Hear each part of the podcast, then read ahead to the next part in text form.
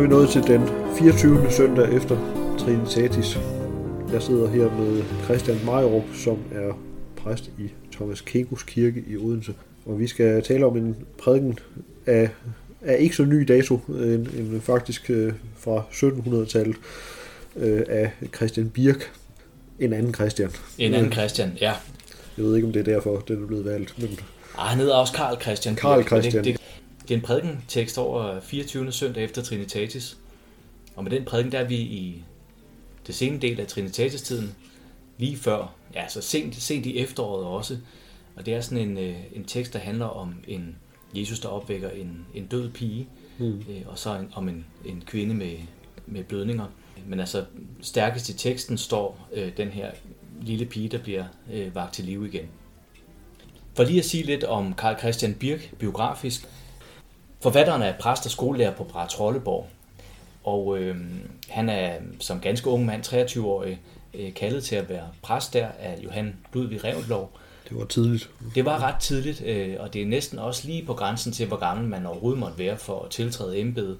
Ja, men, jeg ville egentlig tro, det var under grænsen. Men, øh, jamen, det, det er det vist egentlig også. Ja. Det kan godt være, man skulle være 25. Jeg kan ikke huske talt. Men, øh, det, ja. det er i hvert fald der omkring 23-25 år. Men i og med, det er Johan Ludvig Revlov, der kalder ham, øh, så har man nok godt kunne øh, komme omkring de problemer. Det har ikke været det, der har været afgørende. Nej, det er den, der betaler, der bestemmer, hvad musikken spiller. Og, ja. Lige præcis. Øh, og, og det har altså været en prominent stilling, som den her unge mand, der egentlig helst ville være blevet ved studeringerne i København, ikke kan takke nej til. Så, så han griber chancen, og så bliver han så simpelthen præst på landet. Efter fem års virke, så udgiver han så sådan en, en, en mindre prædikensamling øh, som 28-årig, og, øh, og øh, i den samling, der har han så seks prædikener taget med fra sit virke på landet. Og... Så han er 28, øh, da han udgiver dette, ja. kan jeg jo så sige, ret omfangsrige værk, øh, som vi sidder med. Øh, det er, det er en prædiken på 22 sider eller noget i, ja. i den stil. Ja, ja så det, det, er ikke, det er ikke helt småt. det er ikke en kort prædiken, han har holdt. Og det, der er interessant ved den her samling her, som blev udgivet i 1780 i Odense, det er, at, og netop er en ung mands værk, det er, at, at første del indeholder homiletiske overvejelser over, hvad det vil sige at prædike på landet. Det er sådan set ret interessant læsning, dels fordi han siger, at nogle af de ting, man, man kan gøre i byen, han nævner ikke direkte Christian Bastholm som hofprædikant mm. og, og manden bag den her danske homiletik, øh, men der sigtes indirekte til ham ved, at han, han nævner, at øh, man altså ikke på landet kan, kan prædike ud fra de her veltalenhedsregler, der er fremstillet, men der er simpelthen noget andet, der skal til. Der er brug for en anden retorik. Øh. Der er brug for en anden retorik, og han har sådan nogle fine politik, ja øh, betragtninger over, at lige så vigtigt det er, at øh, religionen offentlig forkyndes, lige så vigtigt er det måden, hvorpå det sker. Så der er simpelthen en, en enorm stor formbevidsthed, hvilket Bastholm jo selvfølgelig også har, men et helt andet sted. Så der er mm. simpelthen et, en, en forståelse for, at lokalet er skiftet ud fra by til land. Øh, og han nævner også nogle ting, som selvom det er Guds ånds kraft, der virker sammen med ordet, så er det også sandt, at den lærer, som foredrager sandheder, på en grundig og en overbevisende og en rørende måde udretter mere end den, der ikke gør det. Så der er både hvad skal vi sige, en sans for, for kontekst, og så også en sans for prædikantens øh, evner og kapaciteter mm. og færdigheder, det sted, han står. Og for menighedens. Ja, og for menighedens netop. Det var en vigtig pointe at få med. Øh, han oplyser også, at, at den, altså de menigheder, han prædiker for, øh, består mest en dels af bønder. Øh, og hvordan skal man prædike for dem? Og der nævner han så også, at, at undervisning har en stor rolle. Altså det er ikke nok kun at advare, trøste og opmuntre, men prædikenen har også en, en undervisende funktion. Og det kan måske forklare noget om længden på prædikenen, mm. at den er ret omfattende. At der simpelthen er noget, en form for katekisme-træning i det også på det her tidspunkt må de have været underlagt, ja det er vi jo sådan set stadigvæk, men, men allerede her må de have været underlagt øh, reglen om, at man ikke må prædike i mere end en time. Øh, jeg ved ikke, hvor, hvor lang tid det må ville tage, hvis man faktisk holdt. Jeg tror, det har der været holdt inden for, inden for, inden for rammerne. Ja. Øh, han, han nævner, at, øh, at prædiknerne her, som er trygt, at det er dem, han har holdt. Altså, så der ikke, hvis vi tror på ham, øh, så er der ikke sket den store omarbejdelse. Nej. Øh, det er det talte ord, vi Ja, antageligt, men, men altså... For. Ja, det er det lidt, men altså nogle af de råd, han giver i sit forord, er måske, jeg ved ikke helt, om han lever op til dem heller vel, fordi der er noget, de er også lidt kunstfærdige nogle steder. hmm. selvom han taler og understreger vigtigheden af at tale jævnt og, og, og lige frem. Han giver også nogle øh, sjove eksempler i sit forord på, at det, at det er vigtigt at tale simpelt, og, og det gælder sådan set også ens, øh, altså længden på ens sætninger og ens valg af udtryk og ord. Man skal undgå ord, som folk ikke kender, og der giver han så nogle eksempler på ord, som folk ikke kender. Det er for eksempel ja. ord som formål, genstand, mønster og bestemmelse. Nå ja, det er jo, man, man vil have forventet, der kom med sådan meget eksotiske fremmedord. Fuldstændig. Ja, han siger, det er gængse ord, men, det behøver, men, men bønderne ved ikke, hvad de betyder. I stedet for den her sætning, formålet og genstanden for vores betragtning, så skal man sige, hovedindholdet og hovedsandheden er.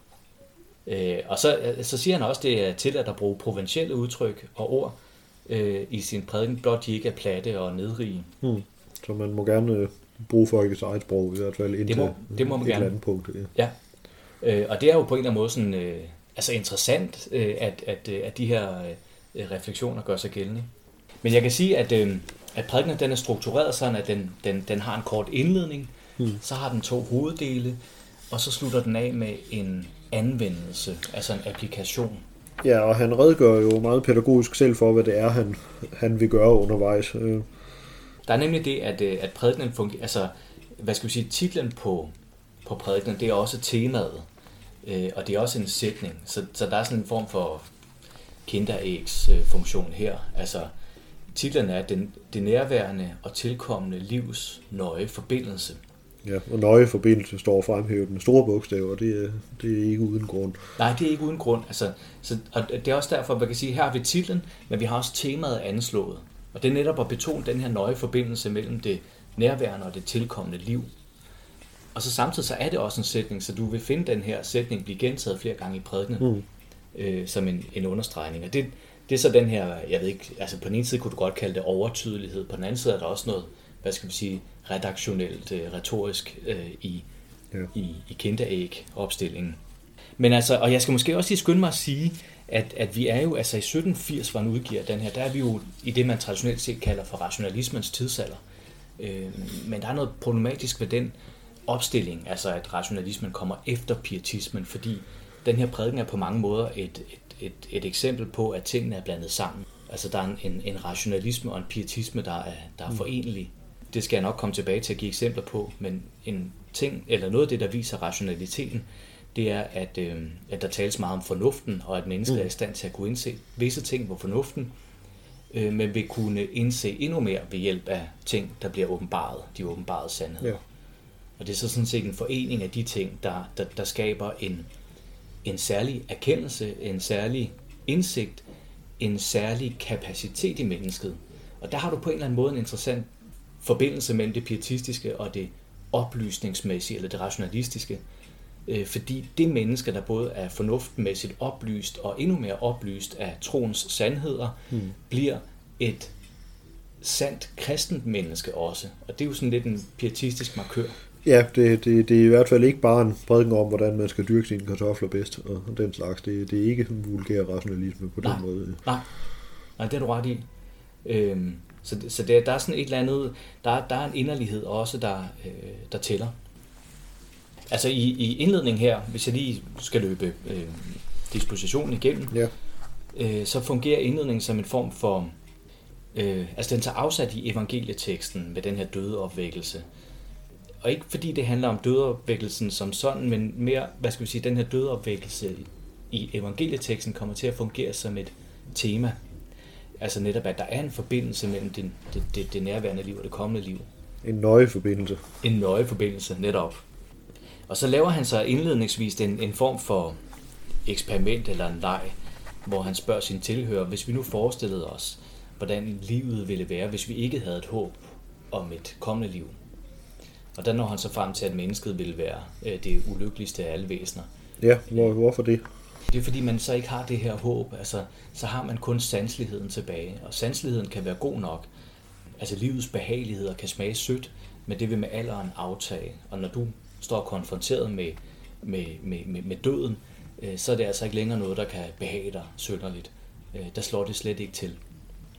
Så mennesker der er altså mere end, et, mere end bare dyr, der lever i nuet? Ja, det. ja. ja, mennesker lever ikke af brød alene. Det er sådan set det, der øh, tematiseres. Ja, øh, og det udfolder han så i, i to hoveddele. Ja, det gør han. Øh, han. Den her leg her, den slutter så også med altså den her forestilling om, at der ikke var noget håb. Ja. Øh, det, det blæses ligesom væk. Altså væk med den forestilling. Så siger han, vi kristne behøver ikke at tænke sådan. Vi behøver ikke at lide under den form for... Nej, vi har, vi har grund til at formode noget andet. Vi har grund til at- noget, håbe noget andet. Ja. Og der installeres så et, et vi netop af, af, af, af kristne, som, som står i modsætninger, eller som står på et andet sted end dem, der ellers måtte kunne gøre sig alverdens forestillinger. Det gælder både hedninger, ateister og fornuftsoplyste. Ja. Men der er så en anden indsigt, og det er den, det handler om, og det udfolder sig i de her to hoveddele. Første hoveddel handler så om at bevise den øh, fremsatte sandhed, siger han. Og det er sådan en skæg form for logisk positivisme. altså det handler simpelthen om at understøtte det, man nu har sagt. Altså bevise, at sandheden holder stik. Og anden del handler så om at ligesom høste resultatet af, af de Ja, indsigter. hvilke, hvilke konsekvenser der følger af. Ja.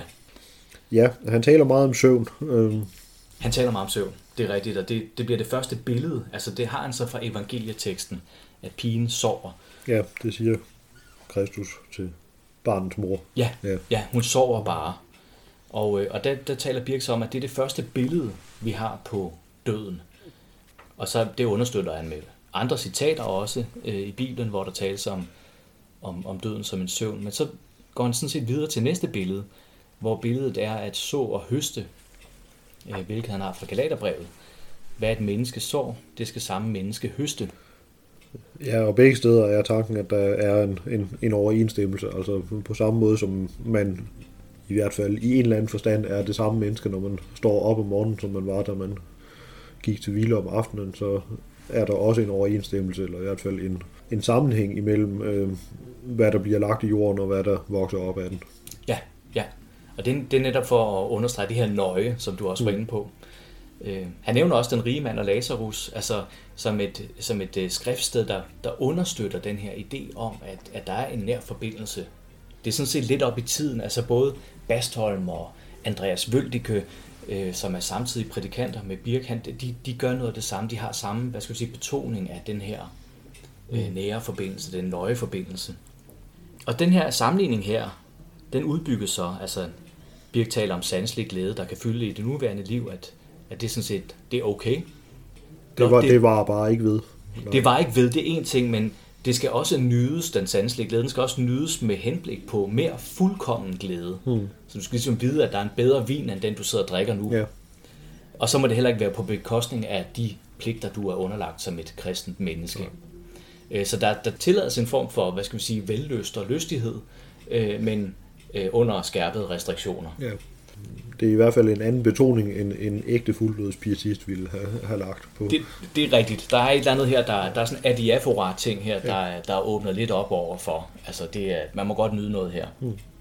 Samtidig er det jo, nu har du også nævnt øh, nogle af dem allerede, det er jo en, en, en tekst, der er om ikke belæsset, så i hvert fald øh, rigtig udstyret med, med skrifthenvisninger, der, de bliver der markeret i, i magnen i teksten. Så øh, han stiller altså nogle, jeg ved ikke om man kan sige, at han stiller nogle krav til sine tilhører, men, men han, han har i hvert fald selv en betydelig bibelsk lærdom med sig. Ja, ja.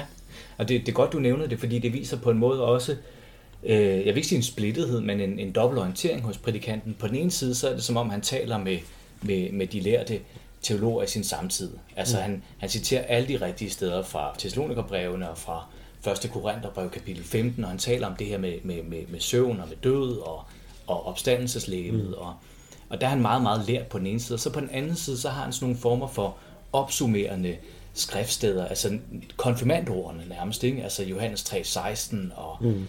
Øh, og han nævner faktisk i sit forord, at en af hans strategier er for at træne øh, hukommelsen hos tilhørende, og for at undervise dem også, det er at have nogle af de her nærmest konfirmandord, så nogle af de her Ja. skriftord, som alle kender, og så bruge dem som en bro til at bygge mere ovenpå. Øh, så, så der er sådan en, øh, hvad skal vi sige, nøje udvælgelse i skriftstederne, men også en, en, en dobbelt orientering. Noget er lært, og noget er, mm. er katekiserende. En meget pædagogisk tilgang. til Ja, ja. Han nævner så, altså en ting er den her sanselige glæde, som så ophører, ikke? Men, men som man godt må lyde på, på den rigtige måde, øh, men at der er faktisk en endnu bedre kilde i det nuværende liv, til at vi kan forstå, eller som vi kan danne en sammenligning med, den, med det kommende liv på.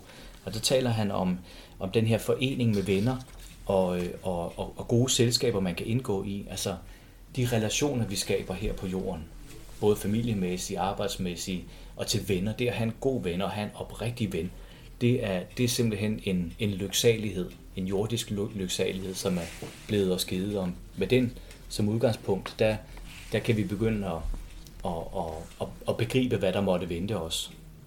Også altså så i en mere øh, fuldendt form, hvor sansligheden og det ufuldkommende i de relationer, man har her på jorden, mm.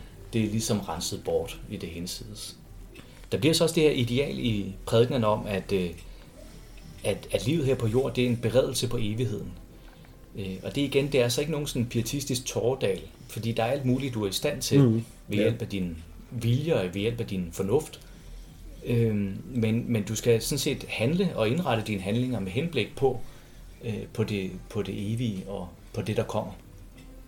Og der nævner han så sjovt nok også, og det kan lyde lidt pietistisk, at det er altså ikke nok med, med kirkegang. Øh, det er ikke nok med at gå i kirke og nyde mad for at blive døbt mm. og de her ting. Øh, det er sådan set alle ens handlinger, der skal indrettes til en form for Guds tjeneste. Og det, altså hele livet bliver en form for øh, liturgisk liv. Og så skal man understrege også, at man skal virke, hvor man nu er. Og så nævner han den her kaldstanke. Hvis du er kaldet til at være tjener, så skal du, mm. så skal du forblive tjener. Men så citerer han også skriften, Paulus, for at sige, jamen, hvis du har mulighed for at komme væk, hvis du har, mul- hvis du, hvis du har en mulighed, så skal du også gribe den. Ja, der, der er der man, sådan set man skal sætte sine talenter i spil. Ja. Man skal, lige præcis, man skal sætte sine talenter i spil, og der er sådan set en, en form for opblødning af den der meget stringente lutherske kaldstanke, ja. om at du må faktisk gerne bevæge dig. Sådan rent tidshistorisk her, der skulle vi måske have slået op, hvornår det var, stavnsbåndet blev ophævet. Men, øh... det, det, det, det, gør, det, er, det, det er lige omkring stavnsbåndets øh, ophævelse, øh, der siger man som regel, hvad 1780'erne også, ikke? men ja. der er der er, der, der er tilløbsstykker til det, så, mm. så vi er i den tid også. Det, det er faktisk en vigtig information, du bringer der. Ja, og en, en brydningstid på mange måder, det er jo, hvad sagde du, 1780? 1780, 1780 ja. ja. Så det, det er 10 år efter, at, at Struensee kom til magten, og 8 år efter, at han blev styrtet fra den igen. Så det, det ja, er, er nogen, som jo på den ene side har videreført nogle af hans oplysningspræget idealer, og på den anden side øh, repræsenteret en form for opbremsning og Ja, Ja, Struensee var jo også et barn af øh, de frankiske stiftelser i Harle og sådan noget, altså øh, skolet der. Ja, øh, pietisme og rationalitet hænger på mange måder uløseligt sammen. Det hænger på mange måder uløseligt sammen. Og det ligger jo sådan set også i hele den her idé om at skulle ud på landet og oplyse folk mm. øh, om deres, øh, deres liv her og nu, at, øh, at det skal være til, øh, til Guds ære og til medmenneskers øh, forbedring. Mm. Første del slutter sig af med en, øh, altså de her billeder her på med, med, med, med selskab og gode venners lag. At det er billeder på en, en salighed, vi kan opnå her. Oprigtige venner er jordisk salighed. Og øh, i den kommende tilværelse, der vil, der vil de samme relationer gøre sig gældende med det sanselige og ufuldkommende i relationerne vil, vil være fjernet. Så når han så videre til, til anden del, øh, hvor han ligesom opsummerer på det, han nu har sagt. Og der taler han så igen om øh, det tilkommende liv som det sande liv. Øh, og der taler han så, han bruger sådan nogle billeder som den eftertænksomme kristne. Han taler om, at de kristne er de genløste mennesker, dem, der har fået betroet meget. Altså, så, så som kristne mennesker, der har du allerede fået, du er ikke den med det ene talent, du er den, der allerede har fået meget, så du skal ud og mm. investere det. Øh, og det handler altså både om den her forstandsoplysning, og så også om, at hjertet skal forbedres. Mm. Og der er også en, en der er igen, altså i og med, at den, det vigtigste liv er selvfølgelig det kommende liv, men der er ikke en flugt fra det nuværende liv. Så der er sådan en, en, en fastholdelse i, at man gerne skal være i verden, og man skal være i de her relationer og være tro der. Så det tilkommende liv, det er mere en, det er mere en fuldendelse, end, end det er en, en afbrydelse? Ja, ja, det er det. Det er det. En af de måder, prædikanten kommer i hus med sin prædiken på, det er, at at det simpelthen afsættet for, for, for prædikenteksten, det bliver mere det her. Altså dødopvækkelsen, det, det er ikke, der er ikke nogen forarvelse over miraklet eller underet. Der er heller ikke en, hvad skal vi sige, gåen ind på det tema som sådan. Det bliver mere blot et eksempel på, at der er en, en nøje forbindelse mellem det nuværende og det kommende. Mm. Hvad siger det om hans kristologi? Er der sådan en? Ja, der er faktisk der er en kristologi Der er også en, en, form, for, en form for udsondring af, af almindelige mennesker og kristne mennesker. Øh, og det, det, handler, det hænger sig sammen med, med, med, med Kristi forsoningsværk, at Kristus han er gået i forvejen som, eller Kristus er et eksempel, øh, og ved at efterfølge det eksempel, hvilket man er forpligtet på som, som, som lærer og som prædikant. Ja, han kalder også Kristus selv for, for lærer øh, Ja. flere gange. Ja, øh, så, så der er en eller anden, altså det som, det som Kristus excellerer i, øh, det er det, der skal, det er det, man som kristen skal bestræbe på at, øh, at efterligne. Mm. Ja, han bruger lige frem ordet kald, eller ordene kald og stand, hvor han siger, der som vi således hver i sit kald og sin stand bruger at anvende vores kræfter til at få frem vores og vores medmenneskers lyksalighed, så lever vi som kristne, og vores tilkommende lyksalighed værdige, vores dyrebare religion. Det er jo et, om ikke moderne udtryk, så i hvert fald øh, noget relativt nyt, at man på det her tidspunkt kan sådan i, i, øh, lave selv iagtagelse af sin egen religion øh, på den måde og omtale den som religion. Det er vel et udtryk for sådan en begyndende, hvad skal man kalde det, udsondring af religionen som et, et særligt område i, eller et særskilt område i menneskelivet. Ja, ja, det er faktisk en meget fin pointe. Også at, øh, at, at religionen er både noget, der er Gud til ære og til, til landets bedste, Mm. øh, og altså, at det er samfundsopbyggende, øh, så man kan tale om religion på forskellige måder. Altså det er ikke kun en dyrkelse af det metafysiske, det er sådan set lige så meget forbundet med en, en, en opbyggelse og en, en sikring i de relationer, man har Mm. som, som individ. Ikke et individ, og det er en anden ting, der er ved at understrege. Det er ikke sådan et moderne individ, der står alene. Som individ er du altid en del af de her relationer. Du kan ikke adskille dig. Mm. Og det er der, der er sådan en form for, ja, altså hustavletænkning i det også, at, at det, helt, det, at det er alle, altså det er bønderne, det er præsterne, det er prædikanterne, det er adelen. Alle skal arbejde på at blive til gode borgere i verden. For Guds skyld og for menneskets skyld. Så der er sådan en, ja, han bruger det sted ordet borgere, øh, borgere i verden i, mm. i prædikenteksten også. Og så runder han af med en anvendelse, som han kalder det. Ja, Så hvis vi ikke havde forstået de, de praktiske implikationer allerede, så får vi dem skåret ud i pap. Ja. Ja, ja, det gør vi. Og det, og det, det, det er ikke sådan en... Øh, altså man kan sige, det at han har en, en eksplicit anvendelse, det er jo også et, et pietistisk træk, eller i hvert fald et, et, et træk fra den pie- pietistiske prædikenform. Den måde, den anvendes på, er også udtryk for en, en form for anden orientering. Altså første sætning i anvendelsen lyder, er de sandheder, vi har betragtet vigtige, hvad skulle vi da vel hellere ønske, end at vi alle måtte være forsikret om vores salighed? Mm. Altså, det er jo ikke særlig praktisk, kan man sige. Det er jo mere sådan en, en, en, en teoretisk sætning.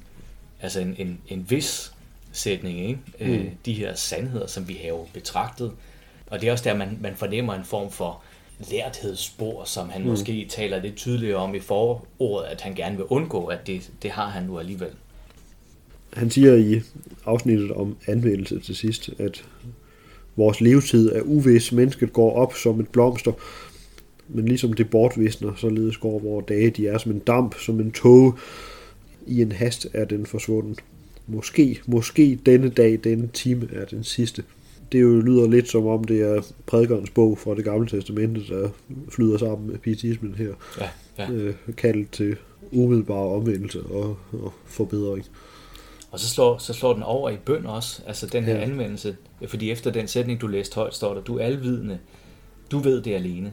Jeg skal møde for din allerhelligste dom. Måske i dette øjeblik vil du få dig regnskab af mig. Hvorledes har du levet? Hvorledes har du forholdet dig? Skulle dine ord være skrækkelige for mig? Nej. Gør det dog, du er albarmhjertige. At jeg af dig må modtage med disse ord. Du er tro tjener, du har været tro over lidet, og så videre. Så der, der, det er en meget interessant øh, dialog med Gud, der begyndes her i en form for bøn, Mm. øh, hvor øh, prædikanten så i det her jeg placerer sig som den tro tjener Mm. i, i beretning om de betroede talenter. En bøn til Gud om, at man må blive fundet som den tro tjener ved regnskabens time.